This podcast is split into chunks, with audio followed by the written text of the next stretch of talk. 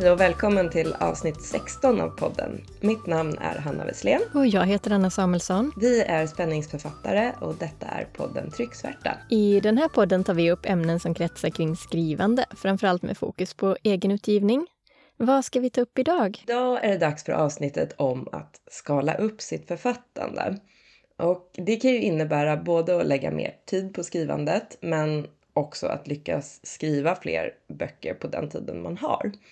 Och vi kommer att diskutera lite hur man kan gå tillväga och vad det innebär och så. Just det, för det är ju inte så att man från en dag till en annan kan bestämma sig för att arbeta som författare på heltid. Eller man kan, men det finns ju vissa svårigheter med det. Ja, så är det. Sen ska vi ju också intervjua författaren Sten Rosendahl idag. Och han har ju författandet som sin huvudsakliga, sitt huvudsakliga arbete. Och det ska bli väldigt spännande att höra vad han berättar. Ja. Vi kan väl ta en kort eh, tillbakablick på förra avsnittet som vi brukar göra först. Mm, då diskuterade ju vi kar karaktärer. Vi pratade om hur vi skapar dem och om vanliga misstag. Eh, precis. Karaktärer har ju mål, rädslor, vanföreställningar och styrkor. Och eh, vi tipsade om att skriva upp det här om varje karaktär i sitt manus. Och då, då blir det liksom lättare, om man har alla de sakerna på plats så blir det ju lättare sen när man ska låta dem agera trovärdigt utifrån sin karaktär. Mm. Och vi pratade också om hjältar och behovet för huvudpersonen att eh, vara en hjälte och vi kom fram till att det varierar lite beroende på genre. Mm, precis. Och sen så delade vi också med oss av uh, lite kring våra egna favoritkaraktärer. Vi tyckte det var ganska svårt att, att definiera. Mm. Men det var roligt att prata om karaktärer och väldigt nyttigt. Mm, verkligen. Så ja, lyssna gärna om du missade det. Ja, men då kör vi igång. Det gör vi. Hur har du haft det sen förra avsnittet? Har du blivit kvitt förkylningen? Mm, ja, absolut. Nu är jag frisk, så det känns bra. Eh, själv då? Jo, jag är också äntligen frisk nu. Det, det är väldigt skönt. Vad mm. har du gjort sen senast då? Ja, det har verkligen varit fullt upp med slutredigeringen. Jag har eh, printat ut manuset i eh, pdf-format från Scrivener, liksom formaterat som en bok utan att jag har lagt någon tid på det. Liksom. Det, det är gjort på några sekunder. Så det är inte alls den formateringen som ska användas sen, men jag tycker det hjälper att läsa manuset på det viset. Ja, jag förstår. Mm, det ser liksom annorlunda ut än än i datorn och i Word-format. Men ja, varje gång man läser i ett annat format så hittar man ju nya saker, så det har jag lagt mycket tid på. Jag har ändrat en hel del, mest liksom ordval och sådana saker, men också ja, men mindre detaljer i handlingen och sådär. Ja, ja, jag gillar att läsa på papper också. Ja, men verkligen. Så det, ja, det har ju tagit större delen av den skrivtid jag har. Eh, men så har jag ju hunnit läsa en del också. Jag br brukar läsa på kvällarna faktiskt när jag ändå är för trött för att skriva. Mm, det är faktiskt rätt bra för att få lite distans också. Ja, Eh, vad har jag gjort mer? Jo, jag har också börjat eh, förbereda för deltagandet eh, som jag har med Sverigeförfattarna på Seniormässan. Mm. Eh, och då ska jag hålla ett kort föredrag om att ge ut sin första bok. Och det kommer massa andra spännande föredrag också från de andra författarna som är med och det blir skrivcoaching så att eh, ja, jag kan tipsa om att gå dit. Det är mellan 3 eh, till 5 oktober. Ja, så himla kul att du är med. Ja, det ska bli jättespännande. Lite nervöst. Ja. Du då, vad har hänt hos dig? Jag har äntligen blivit klar med mitt friluftsmanus så jag håller på med sättningen nu. Och det tar ju sin tid, speciellt med bilder och sånt.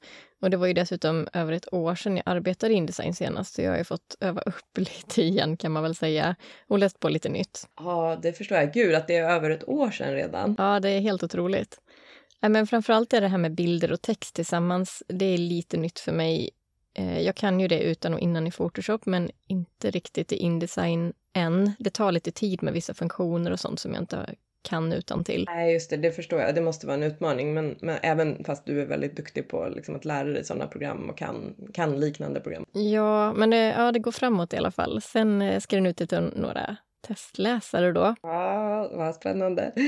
Eh, jättekul med en annan typ av bok tycker jag, att du, att du liksom har en fackbok på gång. Ja, det är verkligen ett nytt område. Och sen kan man tänka sig att man kanske skulle ha ut den till testläsare innan man sätter boken, men jag vill ju ha med hela layouten som ska testläsas, inte bara själva texten utan det är liksom bilderna tillsammans med texten och faktarutor och, mm. och sånt där också. Så att det, det behövs nog sättas först i det här fallet.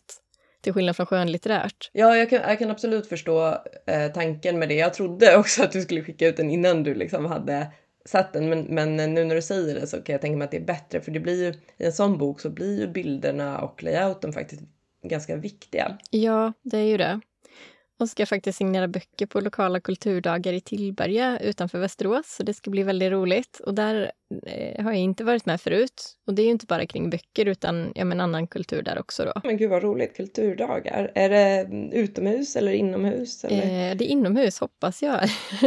jag har faktiskt inte frågat men jag förutsatte det för det är biblioteket som håller i det. Så jag, ja, jag hoppas det. ja, ja, men om det är biblioteket som håller i det så är det ju säkert inomhus. Det är ju, det är ju alltid enklare att slippa oroa sig för regn också som det kan vara rätt så mycket nu på hösten. Ja, absolut. Jag ser verkligen fram emot det. Jag ska berätta mer i nästa avsnitt sen. Ja, det måste du göra. Ska vi dra igång med veckans tema? Ja. Om jag börjar med att fråga dig, skulle du vilja vara heltidsförfattare, Hanna? Oj, eh, ja men det är en bra fråga. Eh, så det låter ju som en väldigt stor dröm tycker jag på ett sätt, men det beror nog lite på vad man väger in i det också kanske.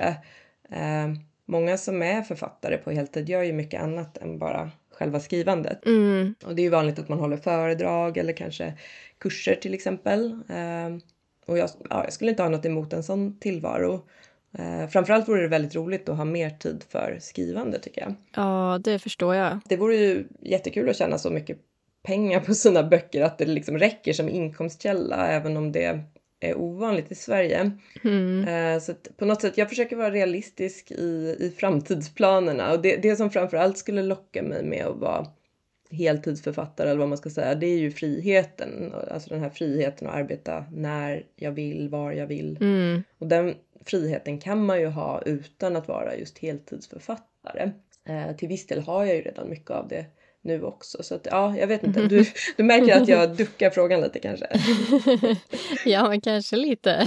ja, ja, nej men det är en svår fråga att svara på lite som sagt beroende på vad man väger in i det också. Men jag skulle gärna ha mer tid för skrivande och jag tror ändå inte att jag klarar att sitta och skriva åtta timmar varje dag som kanske många tänker att en författare gör. Jag tror inte att de som är heltidsförfattare gör det heller. Tror inte jag heller. Nej, men det, det, finns ju så många andra delar som man kanske inte tänker på som ofta liksom ingår i författaryrket. Man har marknadsföring på olika sätt. Man kanske är ute på signeringar och skriver bloggposter och liksom bygger en läsekrets. Sen finns det ju en del administrativa saker som måste hanteras.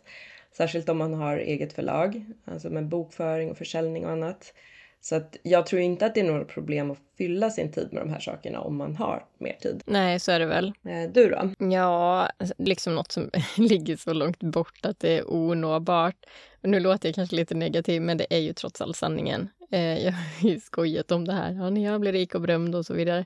Det har ju läsare också gjort. Eh, ja, när du blir rik och, på det här och börjar jobba. Men eh, det, det kanske ligger... Det ligger ju inget allvar bakom från mitt håll och jag förstår ju, vet ju hur svårt det är. Eh, och det är kanske är lättare att vara realistisk också när man vet hur konkurrensen är än om man bara läser en bok också, alltså som läsare och, och tänker då att ja, men, alla författare eh, jobbar heltid med det här och kan tjäna bra med pengar på att sälja böcker.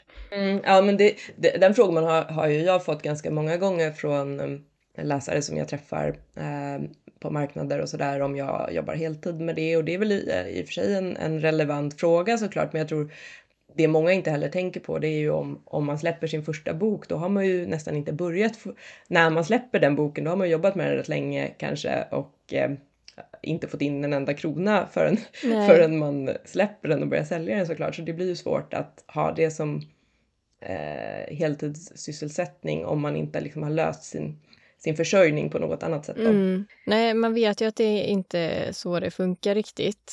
Och man kan inte bara säga att man vill bli författare och sen bara bli det. Det, det vore ju smidigt. Ja, verkligen.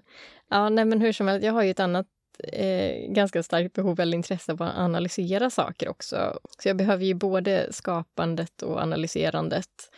eh, i ett jobb. Och skapande delen skulle jag absolut få utlopp för, men den analytiska delen, jag tror inte att det skulle vara tillräckligt. Nej, nej okej. Eh, det är klart man analyserar saker där också, men det är inte på det viset som jag behöver analysera saker. Mm. Så ja, nej, jag älskar att skriva, eh, men det är så mycket annat som jag också gillar att göra. Eh, och om man bortser från försäljningsdelen så skulle jag nog tycka att det var en ganska trevlig sysselsättning att vara heltidsförfattare ett tag åtminstone. Eh, men inte för alltid. Och jag brinner ju inte för försäljning. Så, så enkelt är det ju. Jag tror, jag tror inte att du är ensam om att känna så, om man tänker bland, bland oss som gillar att skriva.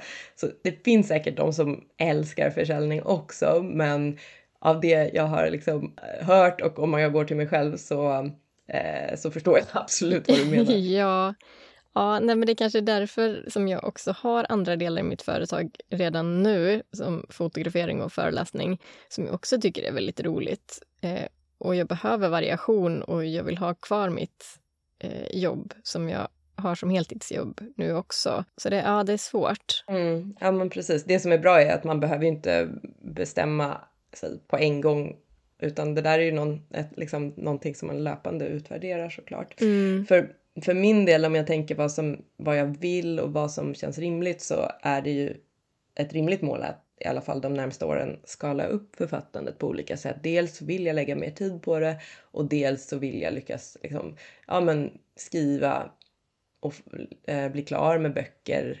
Eh, kanske liksom snabbare, eller vad man ska mm. säga, på den tiden som jag har att lägga. Och det, det tror jag också att jag kan när jag liksom har fått in rutinen på det, om man säger. Ja, för ja, heltidsförfattande, det är nog ett arbete som är ganska långt bort för de allra flesta med författardrömmar. Även om det låter lite krast. Ja, nej men omöjligt är det ju förstås inte. Om man kan tänka sig att ha inkomstkällor även från andra saker än just bokförsäljning så blir det ju väldigt mycket mer nåbart. Det blir det absolut. Eh, och jag läste lite statistik här i en artikel från Skriva eh, som ja, 2018 då, den är uppdaterad online 2023. Men där är snittlönen på en författare som inte har några andra jobb vid sidan av 120 000 kronor per år före skatt. Mm, ja, det, det är ju ganska lågt. ja. Eh, förmodligen ja, lite lägre än vad många tror och säkert lite lägre än vad de flesta vill ha också. Verkligen, och ska man då kunna leva på det, ja då får man nog snåla in på ganska mycket. Ja, om man ska leva på 120 000 ja. ja. Det låter ju eh, lite sådär. Då tycker, jag, då tycker jag kanske att undersökningen som Alliance of Independent Authors gjorde tidigare år var lite mer upplyftande. Men den var ju inte inriktad specifikt på Sverige utan mer globalt och så tog ju den fokus på intäkter. Sen finns det ju kostnader också om man är indieförfattare, men ändå. Mm. Vi, kan, vi kan länka till den eh, undersökningen igen i avsnittet. Ja, och om man är författare på heltid blir ju inkomsten helt beroende på vilka böcker som, man, som säljer bra också och inte säljer bra och hur mycket man skriver under just det året. Precis. Eh, intäkterna från bokförsäljning kan ju bli ganska ojämna under året och genom, mellan åren också. Eh, och hur mycket man sen får sitt, till sitt eget privata konto av de pengarna och när pengarna kommer, det varierar ju också förstås med, ja, med vilken bolagsform man har eller om man rent av har intäkterna som någon typ av hobbyinkomst. Mm. Eh, om man har ett aktiebolag till exempel så tar man ju ut lön och den behöver ju inte vara ojämn mellan månader även om försäljningsintäkterna är det. Men en förutsättning för att kunna ta ut lön är ju förstås att det finns pengar i bolaget.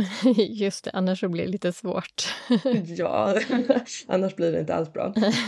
men men, men jag, jag tror kanske ändå inte att man ska ja, stirra sig blind på statistik i det här fallet. Um, även om det är intressant. Men de, de flesta som har gett ut en bok vet ju att det liksom finns eh, snabbare sätt att tjäna pengar. Det är liksom knappast det som är eh, den primära drivkraften.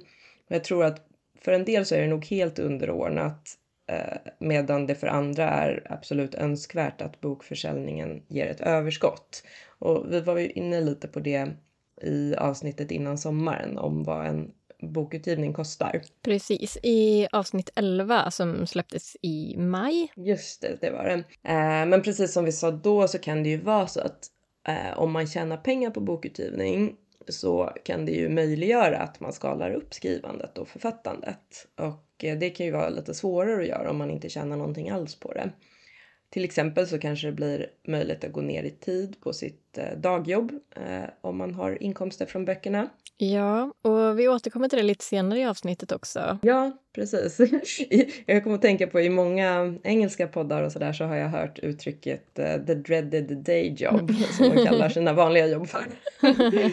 ja, vi får ju hoppas att det inte känns uh, så illa för de flesta i alla fall.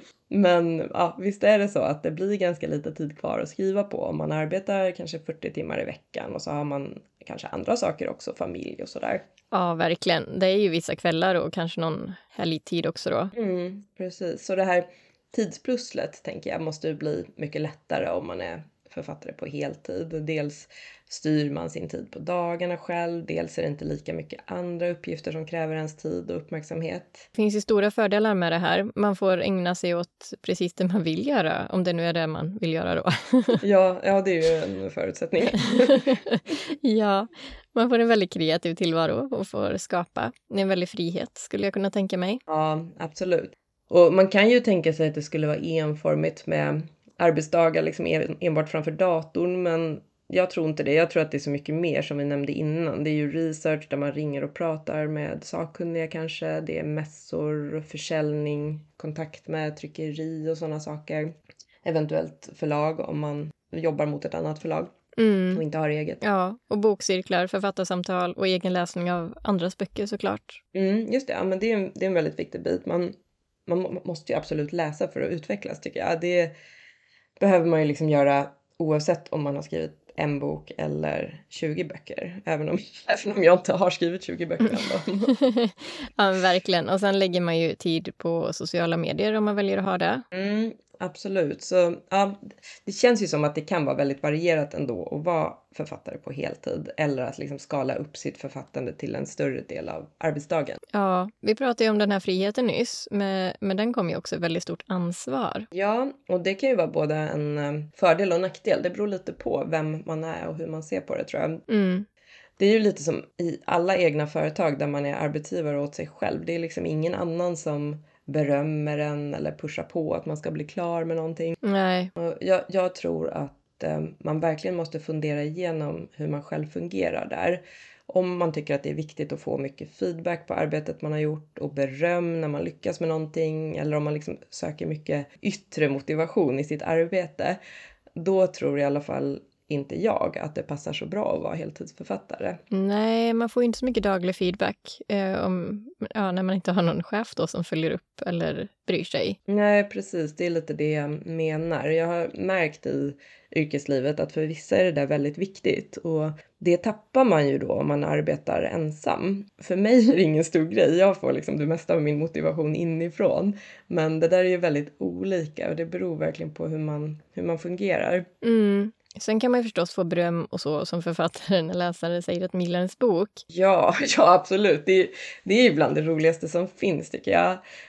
Um, då blir man ju jätteglad men mm. jag tror liksom inte att man kan föda sin motivation enbart på att få beröm från läsare. Det blir, det blir väldigt eh, farligt på något sätt att, att sätta sin tillit till sådana yttre faktorer. Ja, jag håller med. Och det, det gäller nog väldigt mycket. Man behöver en inre trygghet också. Ja, jag menar om man, om man inte får något beröm på ett tag, ska man inte klara av att skriva klart då? Eller hur blir det då? Liksom? Det skulle vara jättejobbigt att behöva sluta om mina böckerna plötsligt bara för ett ljummet mottagande eller rent av väldigt dåliga recensioner som ju också kan hända såklart såklart. Ja, och då blir man ju, eller jag menar jag skulle bli såklart ledsen men, men eh, samtidigt så, som sagt, man måste ha en, en liksom annan motivation också än att bara än, än just det här berömmet. Mm. Och dessutom om, om man har författandet som sin huvudsakliga inkomstkälla då måste man ju prestera för att kunna tjäna pengar och leva på det man gör. Det, det finns ju en liten risk i det att det liksom tar lite grann eh, glädjen ur det eller vad man ska säga. Mm. Eh, och man måste göra det bra såklart. Eller vara omtyckt och sälja böcker. Eller, ja, helst både och. Ja, och oavsett om man har detta som heltidssysselsättning eller inte så måste man ju sälja och det är inte alldeles enkelt. När man jobbar heltid med det, om man då är egenutgivare, så måste man ju sälja desto mer och skriva desto mer. Eller åtminstone lägga tiden på det själv då på egen hand. Och en del går ju senare över till förlag av olika anledningar. Då kan man ju lägga mer tid på att skriva kanske och mindre på försäljning eller egen försäljning. Men det är nog inte så att man kan sluta marknadsföra sig för den sakens skull. Nej, precis. Eh, marknadsföring är ju fortfarande viktigt oavsett hur man ger ut böckerna, tänker jag. Ett förlag, om man har ett traditionellt förlag, så eh, alltså de hjälper ju till med distribution och sådana saker. Men eh, marknadsföring tror jag inte att man som författare idag kan släppa ändå. Dessutom så får man ju betydligt mindre andel av intäkterna från sålda böcker om man ges ut traditionellt. Så då måste man också sälja väldigt många fler böcker än som egenutgivare för att få samma intäkt från böckerna. Samtidigt så har man inte lika mycket kostnader förstås, men eh, ja, oavsett utgivningsmetod så måste man ju bygga upp det här med författarskapandet och eh, ja, det gör inte alltid förlagen eller sällan som jag har förstått det. Nej, Just det. Sen så behöver man ju lägga tid på administrativa bitar, till exempel saker som har med företagandet att göra eller så. Och det, det kan ju kräva andra kunskaper än bara skrivande förstås. Ja, själv tyckte jag att de här bokföringsbitarna var jättesvåra i början. Eh, jag tror jag har kunnat fråga dig om saker ibland. mm, ja, men det är ju mycket att sätta sig in i och det, det, det är bra att ha kompisar med eh, lite andra liksom, områden än, eh, än vad man själv har. ja, verkligen. Ja, men vi kommer ta upp lite om det här i ett senare avsnitt om att ja, starta och driva företag och sådär. Ja, så är det ju. Så förutom skrivande och med allt vad det innebär då, så behöver man ju kunskaper i till exempel företagsekonomi och liknande.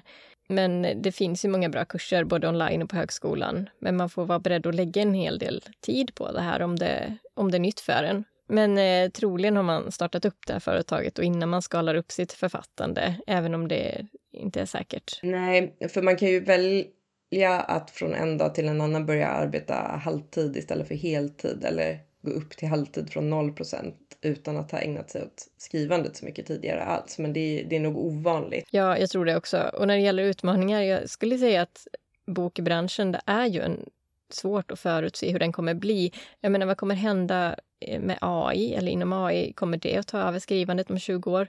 Kommer tryckta böcker att säljas överhuvudtaget? Kommer det bli ny lågkonjunktur kanske där konsumenter prioriterar bort böcker?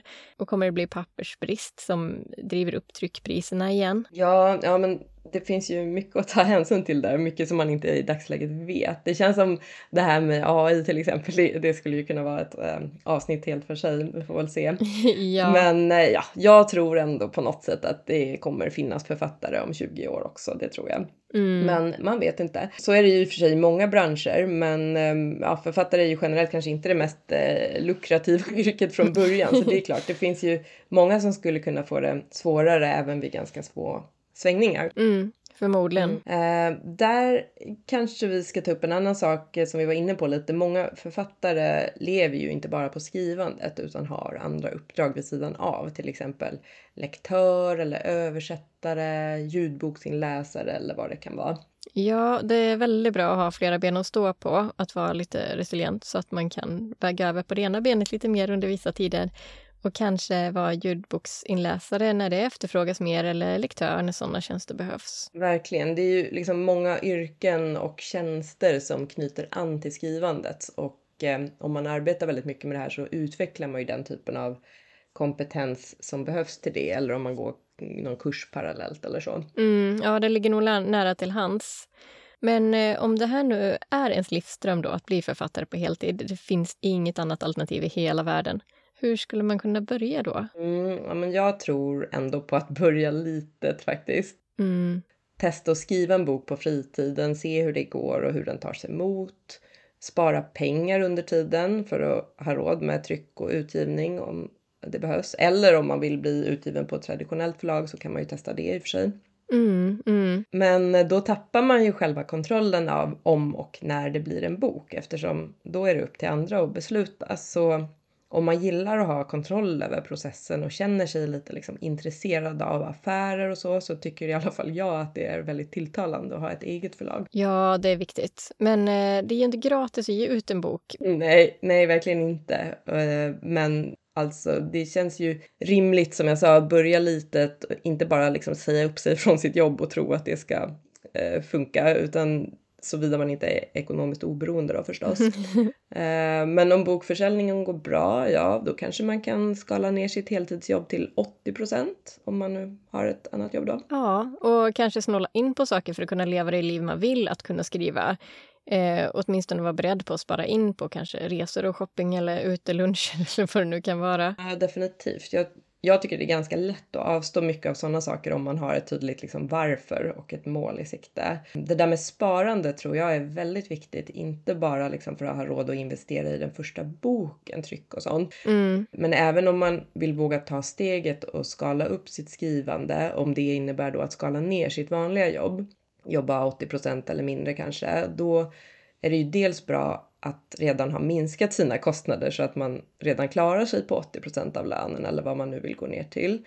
Eh, så har man liksom sett till att dra ner sina kostnader till den nivån och dessutom har ett sparkapital, då känns det mycket tryggare och mindre pressat att ta chansen och testa skala upp författandet och liksom se vart det kan leda. Precis, men eh, det kanske ändå är vanligast att man släpper in eller flera böcker innan man drar ner på annat jobb. Ja, det tror jag också absolut är det vanligaste och kanske liksom det klokaste också. Då, ja. då vet man lite mer vad man kan förvänta sig och så.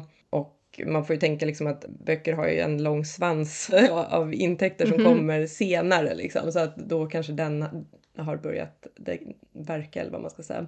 Mm. Släppa en eller fler böcker innan man skalar upp det tror jag också är bra. Eh, jag har läst på flera ställen, eh, bland annat den här undersökningen från Alliance of Independent Authors tror jag, att de flesta som är författare på heltid och lever på sitt författarskap har skrivit väldigt många böcker. Och nu pratar vi liksom inte en eller två utan många, kanske 15-20 böcker i alla fall. Ja. Eh, och det är ju lätt att förstå varför. alltså en bok kan ju nu för tiden i alla fall leva väldigt länge. Det är inte bara en upplaga och sen tar den slut utan det finns liksom print on demand, e-böcker, ljudböcker inte minst genom streamingtjänsterna så fortsätter man ju att få intäkter från alla sina böcker. Så ju fler böcker desto mer intäkter rimligtvis. Och så måste det ju bli. Och om man ger ut en eller två böcker om året, vilket i och för sig är ett ganska högt tempo tycker jag, så tar det mm. kanske ändå tio år innan man når dit. Ja, ja men absolut. Men man får ju tänka liksom att eh, skrivandet och bokutgivning, författarskap, det är lite som ett maraton och inte ett sprintlopp liksom. Mm. Jag, jag tror att det är vanligt Eh, ett vanligt misstag när man tänker att man ska bli författare. Man tror att det liksom räcker med en eller två böcker, men det, det gör det ju absolut inte. Ja, precis, och, och samtidigt vill man ju hålla en bra kvalitet också. Absolut, det är klart att kvalitet är viktigare än kvantitet när det gäller att skriva böcker. Det är ju ingen idé att ha 20 böcker ute om läsarna aldrig vill läsa mer än en av ens böcker för att det var så dålig kvalitet. Nej, det låter inte som en bra strategi att spotta ur sig dåliga böcker. Nej, verkligen inte. Uh, det, det känns inte som en bra strategi. Mm. Men det finns ändå ett liksom, korn där som jag vill plocka upp lite grann i det här med många böcker. Uh, jag läste faktiskt en bok för några veckor sedan av M.L. Ron som har skrivit ja, det var över 40 böcker tror jag. Medan han har ett annat heltidsjobb och familj och massa grejer vid sidan om. Oh, wow. Ja, ja men verkligen. Då, då kan man ju, man kan ju fundera på hur har han lyckats med det här. Boken som jag läste heter något i stil med Be a writing machine och så någonting mer. Och den ingår i en serie med böcker som han kallar Author Level Up. Så det är ja, passande namn då. Ja, verkligen. Och ja, i alla fall, det var en hel del intressanta och lite originella tips i den boken. Eller här, delvis som går emot sånt man har hört tidigare mm. faktiskt. Ehm, men det gick ut på då, hur, hur kan man skala upp sin effektivitet om man får kalla det så. Det låter kanske lite eh, maskinellt, men ja, hur, hur kan man liksom bli mer effektiv som författare. Mm. Och jag tänker faktiskt testa några av idéerna, för jag skulle gärna släppa flera böcker varje år, även om jag absolut inte kommer komma upp i de nivåerna som han var uppe i, för han, något år hade han ju släppt över tio böcker. Det, det kommer jag ju aldrig göra. Oj, ja. Vad var det för tips då? Men ett av tipsen som jag ska testa, eller börjar testa nu, det är att ha Scrivener i mobilen och ha den synkad med Scrivener-projekten på datorn. För det har inte jag sedan tidigare. Och eh, han hade genom att ha det liksom adderat flera hundra ord per dag utan att minska det han skrev på datorn. Mm. Eh, för då kan man liksom utnyttja sån här dödtid när man sitter och väntar på saker och så.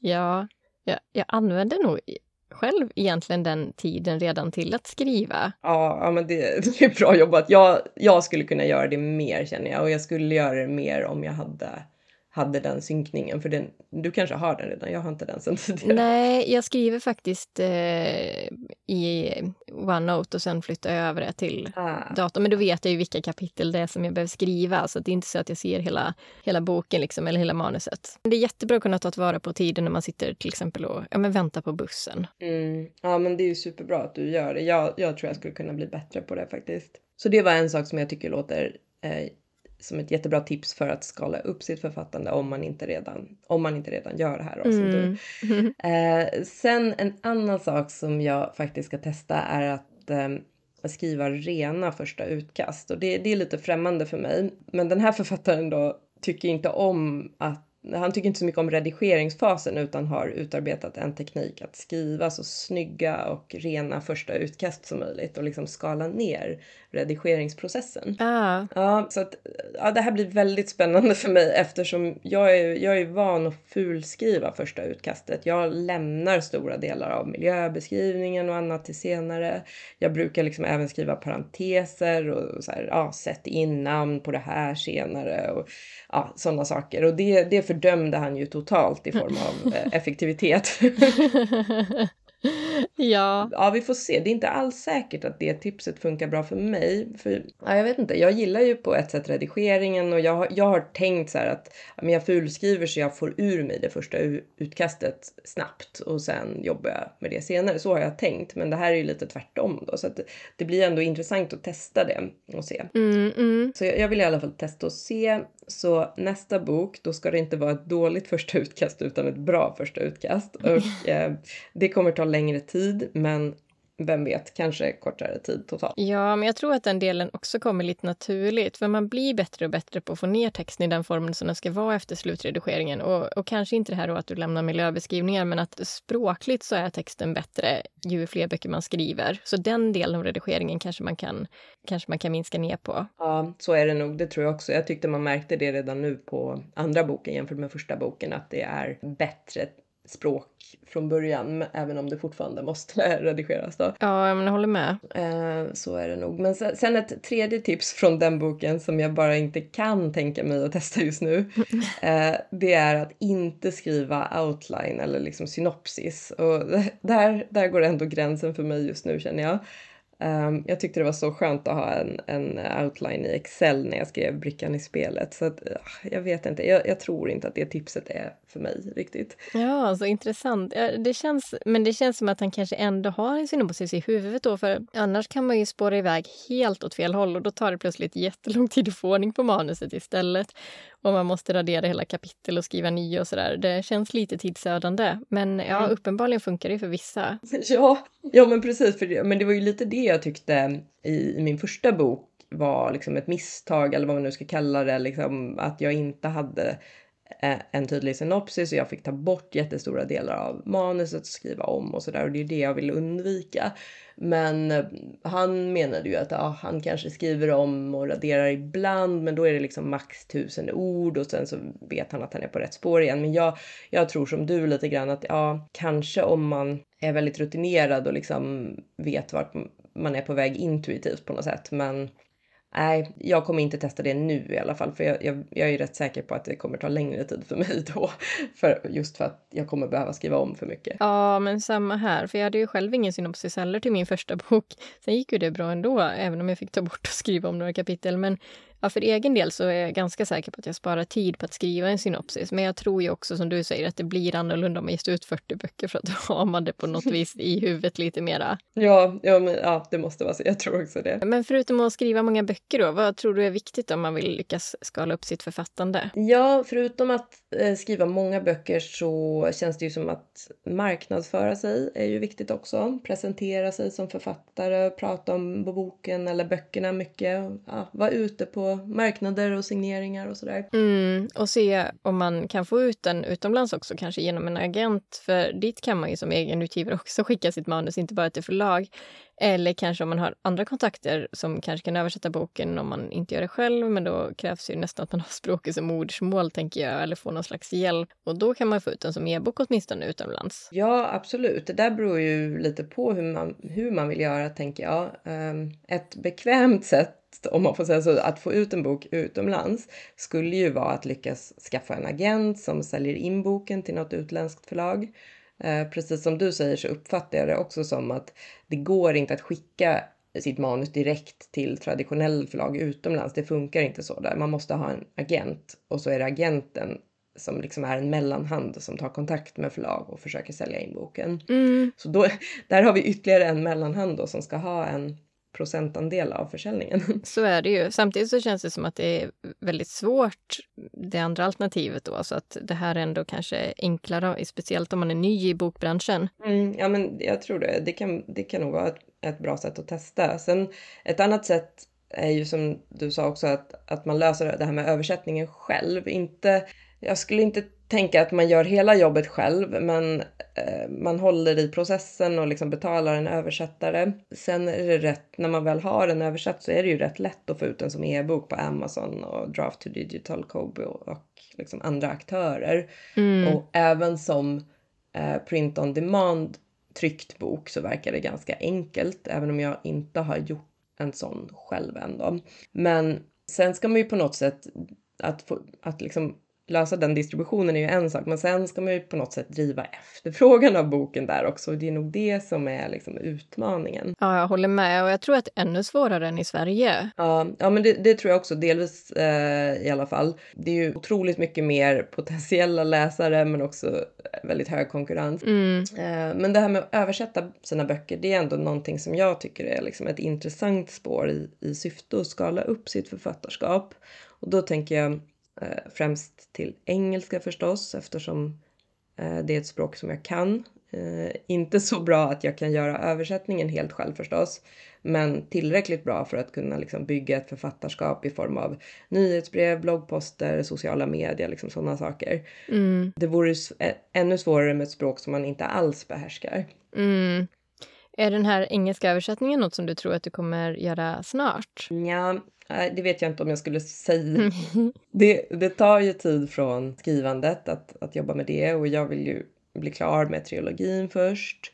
Men ja, jag tycker att det är en intressant idé som jag vill testa och då, då kan man också testa allt det här med Amazon ads och sånt som, som man hör om och eh, ja, jag tycker det ska vara spännande. Men jag tror också att det tar ganska mycket tid. Ja, det tror jag också. Har du några andra tankar om vad man kan göra om man håller på att skala upp sitt författarskap? Mm, en annan sak som blir viktig tänker jag ifall man ägnar mer och mer tid åt eh, skrivandet, kanske till och med sitter på heltid, det är ju det här med att eh, ja, men hitta inspiration. Om man tänker sig att man bara sitter hemma och skriver och inte gör någonting annat så kanske liksom idéerna och inspirationen tar slut till, till slut. Um, så då tänker jag att det är nog viktigt att man fyller på sin tid med inspiration av olika slag. Förutom att läsa så måste man liksom ut och prata med andra, kanske eh, göra research och läsa faktaböcker och sådär. Men ja, se andra miljöer, kanske åka någonstans eller så. Ja, inspiration är ju jätteviktigt. Även om skrivandet eh, kommer inifrån så baseras ju ofta fantasin ändå på minnen som man på något vis har samlat på sig genom åren. Ja, ja men precis. Sen måste man ju förstås nätverka också, det här fina ordet som är så svårt i verkligheten. Jag får nästan lite ångest av det ordet. ja. Men alltså kontakter är ju inte fel att ha. Eh, journalister och bokhandlare, kanske en polis som man ska fråga hur saker går till när man skriver en deckare och sånt där. Alla, alla människor man lär känna är ju eh, en fördel. Ja, och det, det här är ju så svårt. När boken väl är skriven så kan man skicka pressmeddelanden när den kontaktar radio och tv, även om det förstås är svårare att nå ut för en debutant på ett eget förlag. Ja, ja men så är det ju. Men ja, summa summarum så behöver man ju synas, eh, alltså synas som författare och om det är en ström att någon gång ge ut en bok eh, så skulle jag nog säga att det kommer hända om man arbetar för det. Mm. Antingen så kan man ju spara ihop det i produktionen om man har möjlighet att göra det då. Eh, men annars är alternativet e-bok som i princip inte behöver kosta någonting alls, eller i alla fall väldigt lite. Och det hade vi också ett avsnitt om i våras.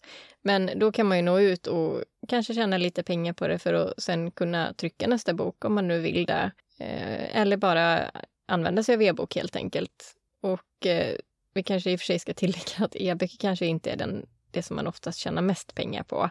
Men eh, det är ju i alla fall ett alternativ att ge ut sin bok den vägen. Mm. Ja, nej men precis. Det, det, är så roligt. E-böcker är ju verkligen inte det, sätt, det, det man tjänar mest på, pengar på i Sverige, men ehm, men utomlands är det ju tvärtom och det, det är så lustigt tycker jag. Ja. jag. jag. kommer tillbaka till det hela tiden men det är väl för att jag, jag har så svårt att förstå varför det har blivit så. Ja, märkligt. Ja, men ehm, sen har vi inte nämnt det här med skrivarkurser heller. Det är nog där man ska börja kanske, om, åtminstone om man inte alls har skrivit så mycket tidigare. Å andra sidan, det här med, nu pratar vi om att skala upp sitt författande. Det kanske är så att bli författare, det är liksom inte bara en livsdröm som man får över natten, utan det är väl ofta baserat på att man har skrivit en hel del under livet tidigare. Ja, jag tror det. Och man måste ju lära sig skrivhantverket. Sen om man gör det genom att läsa bloggar och lyssna på poddar eller genom onlinekurser eller fysiska kurser, ja, man eh, får väl göra det som passar en bäst. Men fördelen med kurser är ju att man kan få respons på sin text där och det behöver man ju oftast för att kunna utvecklas. Mm, precis, för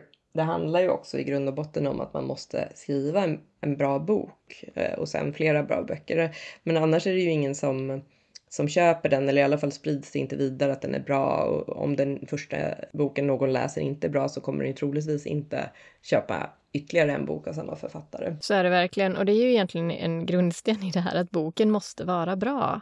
Så är det. Det är ju, det är ju både självklart och eh, det kan ju vara lite skrämmande också på ett sätt. Jag, jag tror att man kan fastna i det också lite grann, att man liksom skruvar och pillar på sitt manus i åratal och, och aldrig blir klar på något sätt för att man, man söker det här perfekta manuset. Och det bästa sättet tror jag att bli riktigt, riktigt bra och även att så småningom tjäna pengar på bokutgivning, det är ju att färdigställa och ge ut många böcker. Därmed inte sagt att man, som vi sa, man ska inte kasta ut skräp som inte är genomarbetat, men samtidigt så gäller det att våga färdigställa och gå in på nästa projekt, annars blir det liksom aldrig någonting. Ja, sant. Men nu ska vi gå vidare till veckans intervju, för jag har ju eh, intervjuat författaren Sten Rosendahl. Just det, det är så spännande. Han är ju väldigt kunnig också och har väldigt god insikt i eh, bokutgivningens olika delar. Ja, så nu välkomnar vi Sten Rosendahl till podden. Vad roligt att du vill vara med i eh, podden Trycksvärta. Vill du berätta lite mer om dig själv och din bakgrund inom skrivande och bokutgivning? Ja, visst. Eh, jag heter Sten Rosendahl. Eh, jag är född i Stockholm eh, av småländska föräldrar. Men nu sedan några år bor jag i Lund. Och jag och skrivande, jag läste väldigt mycket som barn, som väldigt många barn gör, mm. hela sommaren. Sådär som tog sommarlån och efter sommarlån och så. Och när jag kom upp på högstadiet så började jag skriva noveller.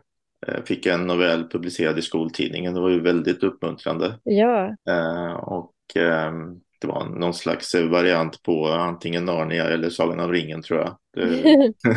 Vad roligt. Ja. Sånt jag läste. Och sen på gymnasiet så, så eh, blev jag lite mer seriös och skulle skriva väldigt, väldigt avancerade, bra noveller och sådär och fick lite ska man säga, det blev lite för svårt, eller jag gjorde det för svårt. Jag fortsatte att skriva tills jag började jobba ungefär, men eh, det, det, jag var perfektionist vad gäller skrivandet så eh, jag slutade med det. Eh, och sen låg det i träda ett bra tag. Du vet när man börjar jobba och mm. andra intressen och, och så. Mm. Uh, men sen uh, tog jag upp film istället, för film var ett annat stort intresse. Och uh, jag tror att det var väldigt nyttigt sen för mitt skrivande senare. Ja, just det. Jag läste väldigt många böcker om, om film, hur man skriver filmmanus och speciellt filmdramaturgi.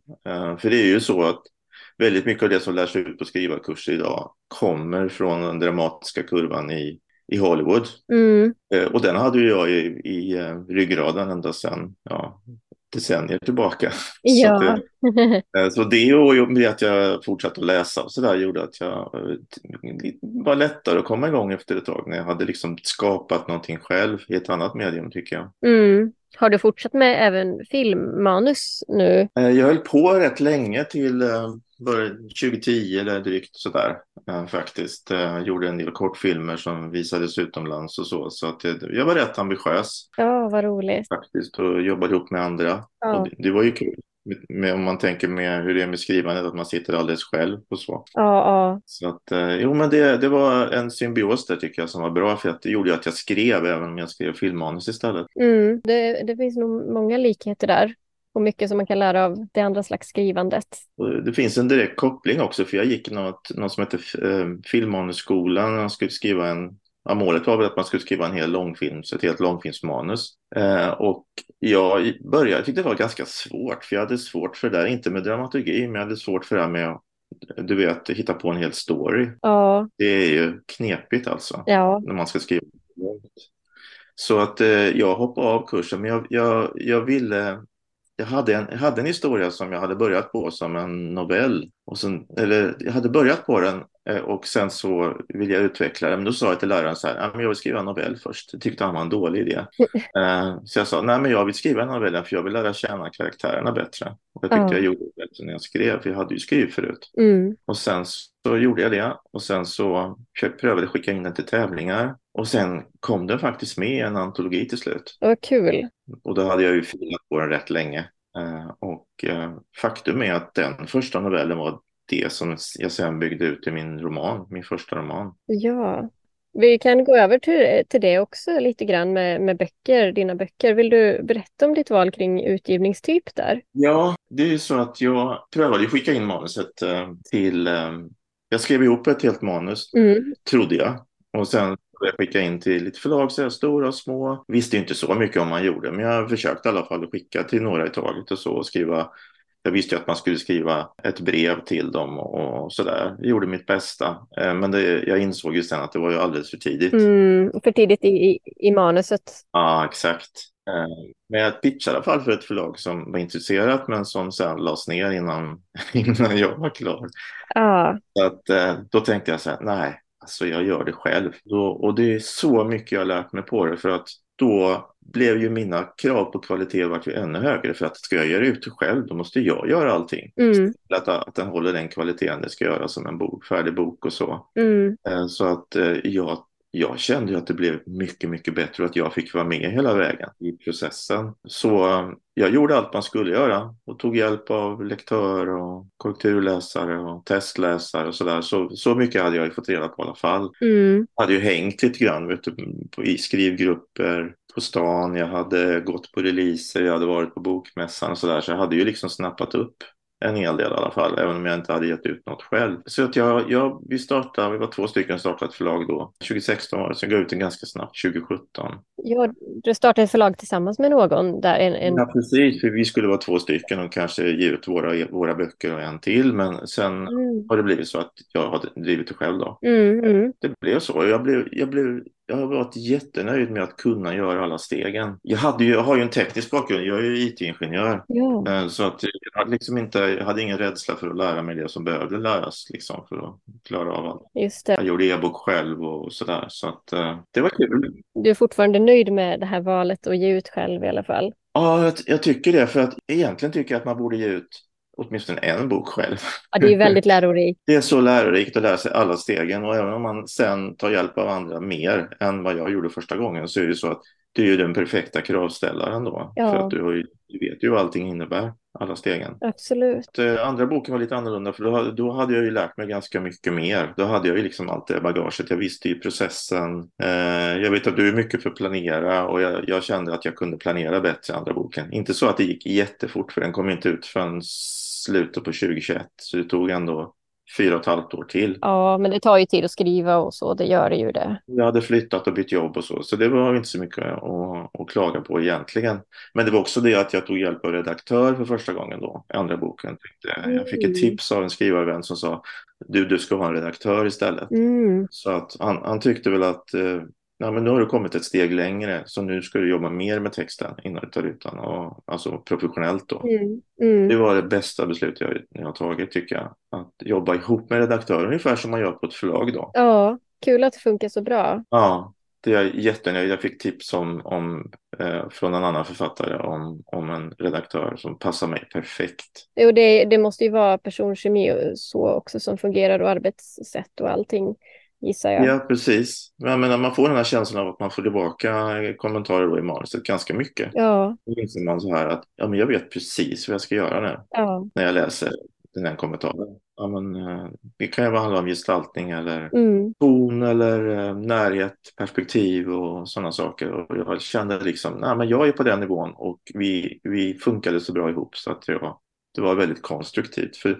du vet, om man har testläsare är det inte alltid det är så konstruktivt. Nej, testläsare kan ju ge väldigt olika, jag pratar inte bara inte utifrån mig så, men generellt att testläsare kan ju ge väldigt eh, olika nivå på kommentarer. Eller man ser väldigt olika saker. Vissa kanske är väldigt fokuserade på grammatik och andra är fokuserade på ja, gestaltning då till exempel. Så en re- redaktör har väl förmodligen en större helhetssyn. Ja, precis. Du kan ju, men du kan ju också diskutera vad du vill eh, mer. Eftersom säg att du betalar för det så kan du ju liksom ställa lite krav på att kan du titta mest på, jag tror att jag behöver mest hjälp med just den här grejen. Absolut. Och, men jag använder testläsare också och de, jag har en som är jättebra på korrektur och jag har en som är bra på genren och jag har en som är, liksom försökt eh, styra det på det viset. Ja, det är väldigt hjälpsamt med testläsare. Jag vet att eh, folk på eh, traditionella förlag de är oftast väldigt, ställer sig väldigt frågande till det för de kanske aldrig haft någon eller aldrig kanske gått någon skrivarkurs en gång och tycker att testläsare verkar konstigt eller amatörmässigt Mm. eller någonting sånt där. Men jag tycker att det är men jag, tycker man ska inte ha för många om man ska ha olika sorter. Och man ska känna dem ganska väl så man vet hur man ska ta emot det man får av dem. Absolut, absolut. Kunna ställa följdfrågor och så också. Ja, exakt. För att då, då tycker jag det funkar bra. Mm. Men jag vet att det finns ju så professionella författare som ändå till exempel har kvar en skrivgrupp. Som säger de har några andra professionella författare som de träffar och kan eh, byta tankar och text med Mm, mm, innan de skickar till förlag. Så att, eh, det tycker jag man kan fortsätta med. mm, mm. Absolut. Även om man har blivit proffs som man säger så, så kan det bli jättebra att ha. Ja. Det här med skrivande då, vad betyder skrivandet för dig? Oj, oj, oj. Alltså, skulle man ta bort skrivande, det är ungefär som att ta bort musik från mitt liv, tror jag. Eh, det har blivit så pass viktigt. Mm. Eh, just det här uttrycket, det egna uttrycket. Och jag gillar ju allvaret i uttrycken också. Alltså att det, att det handlar om viktiga saker. Mm. Då kanske du förstår att jag inte skriver feelgood då. Eh, nej, men eh, jag skriver ju om klimatet just nu då, i tre böcker.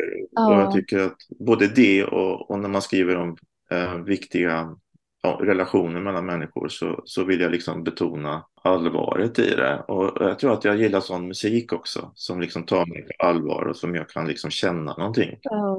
Tycker du att betydelsen av, av skrivandet har växt för dig under åren som du har skrivit? Att det blivit mer... Alltså det står ju författare på mitt CV nu så att har eh, jag funderar på det liksom. Är det är det en identitet eller ett yrke eller en hobby eller Ja. Men eh, ja, men det betyder mycket. Eh, Jag tror att jag, jag saknar när jag inte skriver. Absolut, det gör jag. Mm. Och du har ju gett ut flera böcker nu och skrivit som huvudsysselsättning, om jag förstått det rätt. Då. Vill du berätta lite mer om vad det innebär? Det är ju lite speciellt som, som jag har det nu då. För att eh, när jag skulle börja med min tredje roman då. Mm, Och eh, som är den sista delen i trilogin då. mm, Då um, hade jag också planer på att byta jobb. Och så insåg jag att så här, nej men om jag ändå ska byta så kan jag lika gärna säga upp mig istället.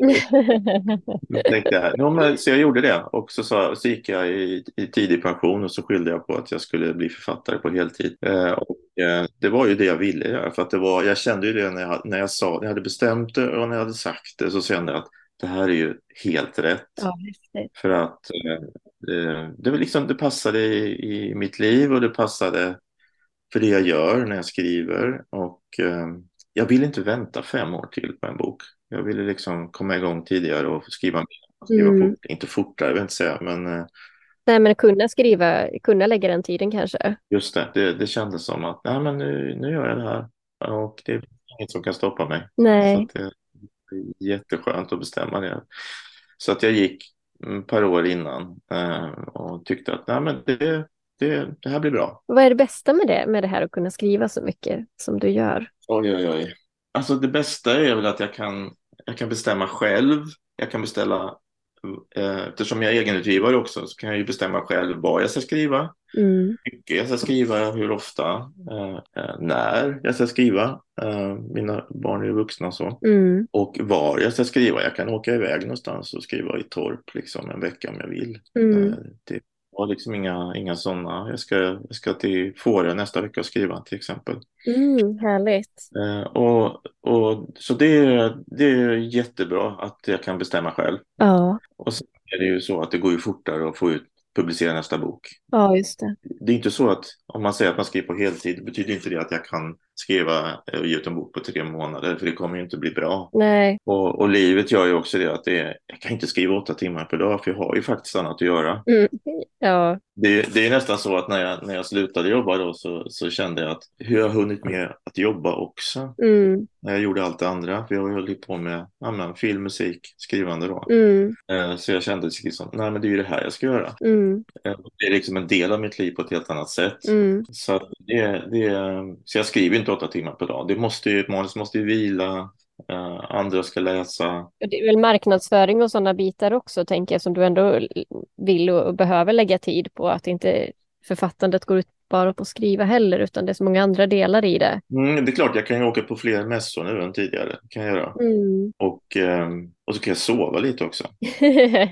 ja, det behöver man. Det är nästan, om jag ska säga en sak så är det att jag kan göra allt det här och sova. Ja, Det tycker jag, det kunde jag inte förut. För då hade jag, jag hade ju, jag ville inte ge upp mitt skrivande, men inte upp mina konstnärliga intressen, utan jag vill göra det också. mm. Jag har ju liksom ett sundare liv nu också, kan man ju säga. ja. annars är det ofta sömnen som får stå tillbaka, så är det ju tyvärr. Ja, så är det för många, tror jag. Men eh, om man har ett vanligt jobb då, vilket som helst, och sen satsar på att bli författare på heltid eh, eller skala upp författardelen, har du några tips på hur man kan tänka där? Alltså jag, jag tror man måste eh, tänka så här att, att själva skrivandet, själva eh, som man gör, är ett oavlönat jobb. Du får ingen som kommer betala dig för att sitta och skriva. Mm, Eh, Och det är oavsett om du eh, ger ut själv eller på ett förlag. Eh, Det finns ingen garanterad inkomst, varken före eller efter. Det är ganska sällsynt med förskott på traditionella förlag nu också. mm, I alla fall om man ger ut ljudböcker. mm, Då vill de hellre att man skriver flera böcker per år för att få pengar. mm, Så att, nej, så, så skrivandet är ju liksom ingen lönsam eh, sysselsättning. Eh, och eh, om du vill göra det på heltid så får du ju blanda upp det med andra saker. Antingen att du skriver på deltid eh, och, eh, och gör du det så är ju frågan vad ska du försörja dig på? Och många vill ju liksom göra någonting relaterat. Alltså man kan ju bli lektör eller mm, kulturläsare eller manuscoach eller någonting sånt där som, som man ändå håller på mycket med och tycker är kul och, och att det känns som samma sak. Men jag tycker att man ska se upp lite med det och tänka igenom om man verkligen har tid med det. För dels att man har tid med det, för alla sådana här frilansjobb eh, har en tendens att, eh, ska man säga, vara flexibla i hur långa dagarna är. mm, Och eh, orkar du verkligen sitta vid datorn både på ett så här, dagjobb på deltid och skriva på kvällarna eller mm, halva, halva dagarna och sådär. Så att man kanske ska göra något annat eh, att kombinera med som, eh, som en kontrast. Någonting som betalar bättre och som, där du får röra på dig eller träffa andra människor och sådär. Ja, för det blir lite ensamt kanske med skrivandet. Eller tycker du att... Eh, Lite ensamt och lite ensidigt om man, om man bara gör bara gör det eller bara, bara gör sådana jobb vid sidan av mm, också. Men eh, jag tycker inte det blir ensamt eh, just själva skrivandet i sig. Jag har ju jag har en skrivcirkel jag med. Jag har skrivkompisar som vi skriver varje vecka tillsammans med. mm. Och sida vid sida då. Så du har lite eh, sällskap där? Exakt. Sen annars tycker jag om man sitter och skriver det som är, kan vara svårt är att du, du måste liksom hålla, du måste ha din disciplin Mm, när du gör det eh, och eh, planera det. Och, och sitter du hemma och skriver och har familj omkring dig så är det ju jättesvårt. Och jag som inte har en familj omkring mig här hemma mm, jag kan inte skriva hemma i alla fall För du vet, man ser ju alla andra saker som hushåll. Ja, disk och tvätt och... Exakt, så jag sitter ju på bibliotek då för det mesta. Jag satt på kaféer förut men eh, nu har jag blivit lite allergisk mot uh, ljud. Ja. Mot sådana ljud som jag inte själv har valt. Så att, uh, jag förstår. Bibliotek är en bra sätt. Men det är det som är svårast då med, med författandet, att det är svårt med inkomst och, och där kanske att man bör ha någonting annat vid sidan av. Jag tror det. Alltså, professionella författare har ju det. De tjänar ju mest på, de tjänar ju ganska mycket på att ut och föreläsa och sådär. Mm, mm. På skolklasser och sånt. Det, det är inte bara royalties som de, som de går runt på om man säger. Nej. Det är också lätt att tänka så här, vad är det minsta jag måste ha för att kunna försörja mig på skrivande? Mm. Tänker man så här, jo men nu kan jag betala alla räkningar, men du ska ha semester också, du ska ha pension. Mm. Så att jag tror att det är lätt att vara lite för optimistisk när man tänker på kalkylen och sådär. Mm. Jo, det är väldigt viktiga bitar. Mm. Men var det som du trodde då, det här med att skriva på heltid? Eller är det något som, eh, du, som har överraskat dig? Alltså jag tror att eh, det, det, som jag sa förut, alltså, det jag tänkte på, det som slog mig först var det hur hade jag tid att jobba samtidigt? Ja. Jag inte, för att jag, inte, jag var inte mindre ambitiös förut, jag hade ju bara mindre tid. Liksom. Ja. Eh, Så, att, och, så att det, det var det ena. Det andra var ju det att man kan inte sitta och skriva åtta timmar per dag. Eh, Jag kan i alla fall inte det. Nej. Eh, Det, det behövs tid för annat och, och det jag sa förut att det är andra saker man måste göra. Det är marknadsföring, det är ekonomi, det är Mm. andra man måste ha kontakt med och sådär. Mm. Det som, är, det som är också väldigt skönt nu tycker jag är att jag har ju egenutgivare. Jag, jag behöver inte ha någon annans takt. Jag behöver inte ge ut en bok per år. Eh, Jag kan bestämma själv. Mm. Och det är jag som bestämmer takten och eftersom jag inte har någon arbetsgivare eller något kontrakt med ett bokförlag så eh, måste jag ingenting egentligen. Utan jag gör ju bara sånt som jag vill göra. Ja, ja. Ja, det är härligt. Ja, det är härligt. det, jag gillar det. Ja. Så länge man kan ha disciplinen att skriva. Men jag tycker att eh, det som har faktiskt spårat mig nu i, i sommar, är ju det, eh, på våren och sommaren, är ju det att, att ha de här skrivarkompisarna som man har tät kontakt med och träffar. Mm. Det är att man vill skriva mer och mer. Och det, det funkar så för alla oss, vi tre stycken som skriver ihop. Alltså varje gång vi ses och pratar om det, varje gång vi ses och skriver så blir det liksom bara att ja, men jag vill skriva mer, jag vill skriva imorgon också, jag vill skriva Mm. det, det, det, det är så sporrande för alla. Och det är oavsett om man har gett ut något eller inte, utan eh, det är just den här processen att skriva som, som är liksom eh, smittar av sig. Ja, viljan att skapa någonting kanske. Ja, och du vet, det är också så lätt att prata med andra skrivande människor, för vi, vi, är, vi, är- nördiga om samma sak. Ja, absolut. Många idéer också kanske, som man ändå måste ha när man skriver, att det dyker upp mycket tankar. Absolut, jag menar min, min allmänna skrivcirkel med, som ses inte så ofta. Vi, där, där, där är liksom allmänna skrivtips och regler och Mm. att man får. Men eh, mina, mina här, närmaste skrivkompisar, de skriver ju samma genre. Så där kan jag ju prata mer detaljer, andra saker. Mm, mm. Komplettera varandra väldigt bra tycker jag. Ja, kul, verkligen. Men nu är du också en av de lyssnare som ja, verkligen har engagerat dig och ställer många bra frågor och svar och på de sakerna som vi tar upp i podden. Och vi uppskattar det väldigt, väldigt mycket. Så det, och det känns som att du verkligen vill dela med dig av den här kunskapen.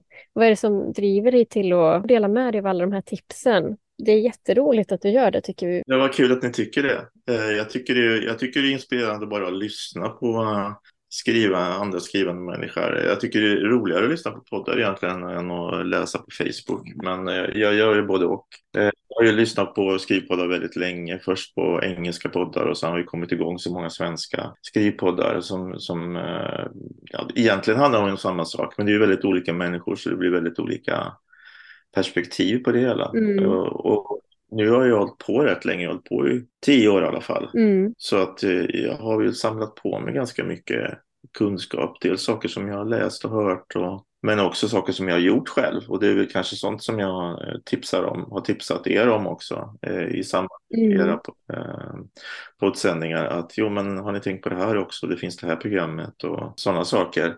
Eh, och det delar jag jättegärna med mig om för att det, är så, det är jättesvårt att få en översikt över det som finns där ute. Ja, det är väldigt svårt. Man kan ju omöjligen prova alla program eh, själv, eller kanske man kan, men det, det tar ju väldigt mycket tid att prova alla delar av alla program och alla eh, företagsformer. Det är så många olika delar. Det kanske jag, det kanske jag har en fördel, jag har haft en fördel med mitt yrke för att jag, jag kan ju prova ett program på fem minuter och bilda mig en uppfattning om det ganska snabbt. Ja. Jag vet inte hur jag har nog laddat ner alla som finns tror jag, någon gång. Och eh, också det att jag, eh, mitt yrke så var jag också väldigt snabb på att ta åt mig information, du vet, googla nu, nu mm, mm. eller något. Eh, och ta reda på saker. Eh, så att jag har liksom haft väldigt bra översikt över vad som finns. Och... Mm, väldigt roligt. Och du höll på länge också. Ja. Och då får man ju mycket kunskap. Eller, eller skaffar sig mycket kunskap. Men det, det, kräver ju en hel del av en själv också såklart. Och det känns som att du har velat ta till dig den kunskapen som finns och sen också dela med dig av det som du har tillgodogjort dig där det händer ju så mycket också. Jag, jag läser ju nästan varje dag läser jag på Facebook någon som tipsar om, eh, nu senast var det väl om Skatteverket och hobbyverksamhet. Och, mm. eh, det, blir, eh, eh det är svårt att hänga med för att eh, regler ändras. Det, det, är så mycket som ändrar på sig. En, en sanning inte, går inte en sanning idag alltid. Nej. Eh, så, och jag är väl den som, speciellt nu, har ju liksom tid att hålla mig uppdaterad också. Så jag, jag delar gärna med mig om det som jag vet och eh, vad man kan läsa mer och sådär. Så att absolut, det är jättekul. Det uppskattar vi verkligen och det tror jag många lyssnare gör också. Eller det vet jag att många lyssnare gör. Det är ibland svårt att hitta det man letar efter. Ja, jag tycker det är så kul att ni, har, eh, att ni är egenutgivare också. Um, för att det är ja. en vinkel som inte har skildrat så mycket förut. Det finns ju naturligtvis, men det har inte så mycket handlat om det. Eh, men ni, ni berättar ju så mycket om det, hur, hur ni gör och hur det funkar och vad ni använder och, och så. Och det, det, jag tror att många uppskattar det för att det kanske blir lite mindre rädda för att faktiskt gå den vägen om, man, om, man faktiskt skulle, om det skulle passa en själv. Ja, för vi har ju också saknat en, en sån podd, så vi tycker att det behövs den inriktningen också, inte bara skrivandet, för det är ju många bitar att ta hänsyn till. Jag hoppas att ni fortsätter, för att det, det är jättekul att följa hur det går. Ja, men det är planen, absolut. Det är roligt. Ja, stort tack för att du var med. Tack för att jag fick vara med. Wow, så intressant att höra. Inspirerande. Sten ligger ju lite före oss i författarskapet. Ja, jättekul att prata med honom och mycket intressant som han nämnde där. Kul också att han har skrivit för film och att det finns många likheter där. Ja, ja men det var roligt att höra. Jag tror också att det finns många likheter men också många skillnader. Ja, och det är ju säkert lika roligt som att skriva skönlitterärt och nu har jag ju aldrig testat att skriva filmmanus, även om jag arbetat en del med själva bilddelen av film, alltså gjort filmen bara med bakgrundsmusik och även ett par eh, filmade intervjuer. Och visst, man bygger upp en story där också. Eh, men sen är det förstås så mycket mer att tänka på, gissar jag, då, när det gäller repliker och så när, i ett riktigt filmmanus. Så det som Sten har gjort här med ja, så många fler delar att ta hänsyn till. Ja, det måste det ju vara. Och det, det blir ju ett lite annat sätt att skriva för man oftast inte har den här bakgrundsrösten eller vad man ska säga som kan gestalta. Mm. Det är mest repliker och ehm, ja, hur karaktärerna liksom synligt agerar. Men att dramaturgin som han säger fortfarande följer samma kurva eller liksom har de likheterna. Mm. Jag tänkte på det han sa att eh, i och med att han är egenutgivare att han kan bestämma hur mycket och när han ska skriva. Och ah, det var väl lite det vi pratade om innan också, att ha den här friheten. Och om man vill ge ut en bok vartannat år så gör man det. Om man vill ge ut fyra böcker på ett år och klarar av det, då gör man det. Man bestämmer själv. Ja, det låter härligt. Eh, och det här att kunna bestämma var man ska skriva också, som Sten sa. Det finns ju till exempel många vistelsestipendier inom författarvärlden eller kulturområdet generellt då, även när det gäller konstnärer förstås. Men att man kan få åka iväg ett par veckor eller månader och skriva någon annanstans i en eh, stuga eller eh, hus eller så. Och jag tror att det här miljöombytet är jättevärdefullt. Ja, det tror jag också säkert. Du har ju skrivit ju Åre och så, eller hur? Ja, det stämmer. Hur tycker du att det har varit och har manuset fått andra vändningar då än vad du tror att det skulle ha fått hemma? Mm, vilken intressant fråga. Det, det är svårt att säga. Inte omöjligt. Man tar ju liksom intryck av den miljö man befinner sig i. Mm. Sen, sen så finns det ju ingen del i Nepalsviten som jag har skrivit som utspelar sig i eller runt Åre, men det kan ju ha påverkat ändå på något sätt. Mm. Framförallt så är det ju en väldigt inspirerande miljö att skriva i och, och ja, det kommer nästan garanterat bli en bok framöver som utspelar sig där också. Ja, vad roligt. Ja, och sen ja, precis som du säger, jag tror att det är nyttigt det här att bara byta miljö ibland för att hämta ny inspiration och liksom se något annat. Och det är lätt att liksom tro att man bara kan sitta på sin vanliga plats och skriva, men så är det ju inte. Det är ju liksom en vanlig sak. Mm. Um, men vad, vad, tar du med dig från intervjun? Jag känner ju igen mig i det, Sten, så att man sätter press på sig själv när man ger ut boken på egen hand. Att nu måste det verkligen bli bra. Att man kan ta hjälp av andra såklart, men man måste driva det och då, då ska det minsann bli riktigt bra. ja. ja, men jag håller med. Och, alltså, på ett sätt blir det ännu viktigare för då, då finns det liksom ingen annan att, att falla tillbaka på om någonting in, inte är bra. Mm, så att, mm. ja, jag, jag kan känna igen mig i det också. Mm. Och att det här att han saknar skrivandet också när han inte skriver, det kan jag också identifiera mig med. Det är inte så att jag har tråkigt när jag gör annat än att skriva, för att jag har annat som jag tycker är väldigt roligt också. Men själva skapande delen, så skrivande är en viktig del där. För, för mig är det ju även fotografering och målande, och hantverk och lite andra skapande grejer som jag också tycker är kul. Mm. Så det är liksom inte 100% skrivande. Eh, men jag, jag kan absolut sakna det. Vad, vad säger du om det? Saknar du skrivandet när du inte skriver? Ja, absolut. Det, det gör jag. Och om, det, om det är en helg eller några dagar där när jag inte kan skriva så saknar jag det. Jag, jag kan bli lite irriterad nästan över förlorad skrivtid. ja. Var det något särskilt du tog med dig utöver det som vi har pratat om? Ja, jag tänkte på det han sa också att, ja, men det här att han inte haft någon rädsla för att lära sig nya saker. Liksom lära sig alla stegen i utgivningsprocessen och i hur man skapar en bra bok. Han sa också att han är snabb på att liksom testa och ta till sig nya saker och även har varit det liksom tidigare i sitt yrkesliv och sådär. det, det tror jag är jätteviktigt. Ja, att ha en vilja och förmåga att lära sig. Mm, precis, och inte vara rädd att ge sig ut på lite okänd mark. Som det ju för de flesta ändå är att ge ut en bok. Att att bli författare helt plötsligt efter att ha arbetat med något helt annat kanske. Mm, mm. Ja, men det hänger ju också lite samman med det här och liksom våga ta chanser som kanske dyker upp och som inte är det självklara valet. Som han då till exempel tog chansen att inte gå på ett nytt jobb utan att satsa på författarskapet istället för att det var något han verkligen ville göra. Ja. Uh, och han liksom gjorde en plan för hur det skulle kunna fungera jag, jag, tror att det är många som inte ens hade tänkt tanken att sluta på sitt vanliga arbete innan 65 eller vad pensionsåldern nu är normalt. Och, ja, det är bra att tänka lite utanför boxen, liksom det här slitna uttrycket. Ja, absolut. Sen kanske inte det är möjligt för alla såklart, men det vet man ju faktiskt inte om man inte på allvar har räknat på det och liksom vilka eventuella uppoffringar man är beredd att göra och sådär. Mm. Eh, sen tyckte jag det var intressant också det här med att han ser till att omge sig med bra personer som kan hjälpa honom. Det var vi ju inne lite på också. Han sa att han har en redaktör som han verkar trivas bra med och han kombinerar det med olika testläsare. Det, det tror jag också är ett, ett vinnande koncept. Ja, eh, och jag, jag, tror det är jätteviktigt att hitta en gemenskap inom det som man är intresserad av. Eh, särskilt om man skriver på heltid då, men även annars eh, till exempel vara engagerad i skrivcommunityn, för det är nog också ett bra sätt att inte känna sig så ensam i skrivandet. Mm, precis, alltså skri själva skrivandet i sig är ju liksom en ensam syssla. Man är oftast själv när man skriver. ja. Jag har lite svårt att se att en person som inte alls gillar att vara själv kan trivas som heltidsförfattare. Jag har faktiskt fått frågan om jag inte tycker det är ensamt att sitta och skriva så mycket. Vad svarar du på det då? Eh, nej. jag tycker att det är lyxigt att få tillbringa tid ensam eller liksom med mina karaktärer i en värld som jag själv får bygga. Så för mig känns det inte alls ensamt. vad, vad, tycker du? Nej, men jag håller med. Det är lyxigt att få skrivtid. Mm. Och apropå skrivtid så tog ju Sten också upp det här som vi var inne lite på tidigare att det är svårt att sitta och skriva en hel arbetsdag. Tiden går åt till annat också. Han sa att han inte förstod hur han hann med att jobba tidigare.